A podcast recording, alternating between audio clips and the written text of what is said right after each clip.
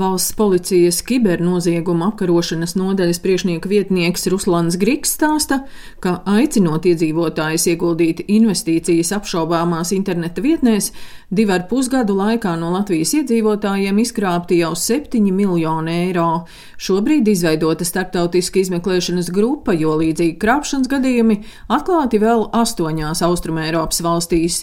Kibernoziedznieki pārsvarā zvana no zvanu centriem un divās trešdaļās gadījumu runā krievu valodā, piedāvājot neticami lielu un ātru peļņu. Iedzīvotāji saņem zvanus no nepazīstamajiem numuriem. Pārsvarā cilvēki stādās priekšā kā dažādu finanšu uzņēmumu pārstāvji, un kas arī ir ļoti raksturīgs, pāriet uz komunikāciju gan Skype, gan Viberā, gan, gan WhatsApp un tam līdzīgās platformās un panākt to, lai varētu uzinstalēt uz cietušās personas datorsistēmas attālinātās vadības programmu, tādu kā Anydesk, kā TeamViewer, tādējādi pārņemot kontroli pār cietušās personas datorsistēmu. Uz to brīdi ir uzsākti vairāk nekā 200 krimināli procesi, un materiālie zaudējumi personam sastāvdā ap 7 miljoniem eiro. Informācijas tehnoloģiju drošības incidentu novēršanas institūcijas CERT LV vadītāja vietnieks Varis Teivāns vērtē, ka krāpniecības gadījumi internetā palielinājušies gan Covid pandēmijas, gan dažādu kriptovalūtu izplatības dēļ. Pēdējos divos gados krāpniecības gadījumi pieauguši no 15 līdz pat 30 procentiem upuris tiek instruēts, kā nopirkt, pieņemsim, kriptovalūtas vai kā reģistrēties kādā viltus portālā. Viņš ievada savu kredītkartes datus un tiešām varbūt iztērē tikai 20 vai 40 eiro testa brīdī, bet ekrānā uzbrucējs redz kredītkartes numuru un visu pārējo nepieciešamo informāciju. Ļoti populāra ir arī Smart ID konta pārņemšanas uzbrukumi, telefona sarunā uzbrucējs uzdodās par Smart ID vai cita daudzfaktoru autentikācijas pakalpojumu sniedzēju pārstāvi un rada tādu trauksmes sajūtu upurim. Tiek paskaidrots, ka pakalpojumu sniedzējs ir pamanījis, ka jūsu kontā ir pamanīta kaut kāda anomālija, piemēram, kad ir notikusi pieslēgšanās no citas valsts, piemēram, no Brazīlijas, un tad jums tiek paskaidrots, ka tā visticamāk ir kāda drošības problēma.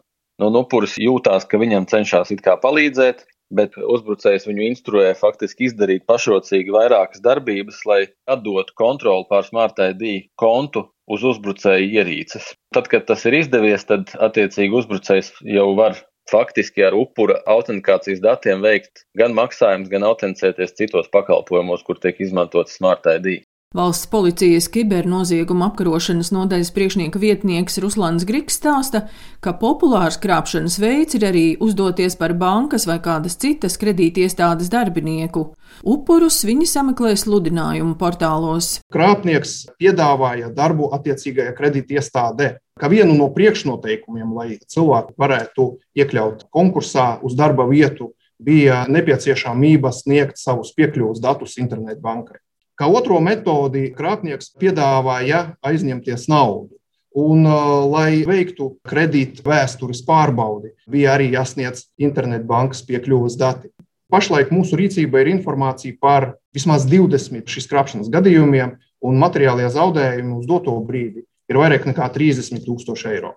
Informatīvu materiālu par to, kā izvairīties no krāpniekiem un nelicencētu finanšu pakalpojumu sniedzējiem, izstrādājusi Finanšu kapitāla tirgus komisija, stāsta FKTK pārstāve Aija Brikše. Mēs aicinām cilvēkus situācijās, kas šķiet aizdomīgas vai pārāk izdevīgas, eh, vispirms apstāties, izvērtēt to, kas notiek, eh, nepieņemt sasteigts lēmums.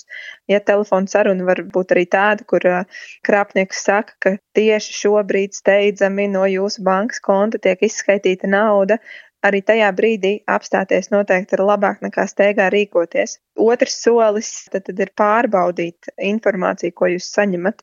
Tad jums ir tiesības piezvanīt paši savai bankai, lai noskaidrotu, kas tad tieši ir noticis. Tāpat pārbaudīt, kur jūs ieguldat naudu, un to var izdarīt Finanšu un kapitāla tirgus mājaslapā FKTKLV, ierakstot meklētājā konkrētā uzņēmuma nosaukumu un pārbaudot, vai viņš ir saņēmis attiecīgo licenci, piemēram, darbībai Latvijā. Un tad Trešais solis, ko mēs iesakām veikt, ir aizsargāt šos savus gan datus, gan naudu un ziņot policijai, ja kāds ir šos jūsu līdzekļus nozadzis. Eksperti uzsver, ja jums zvana no nepazīstama numura un vēlas runāt par finanšu ieguldījumiem, pats vienkāršākais ir sarunu pārtraukt un sazināties ar savu banku. Valsts policija arī aicina par krāpšanu ziņot aplikācijā Mana drošība, kur to var izdarīt arī anonīmi. Daina Zalamane, Latvijas radio.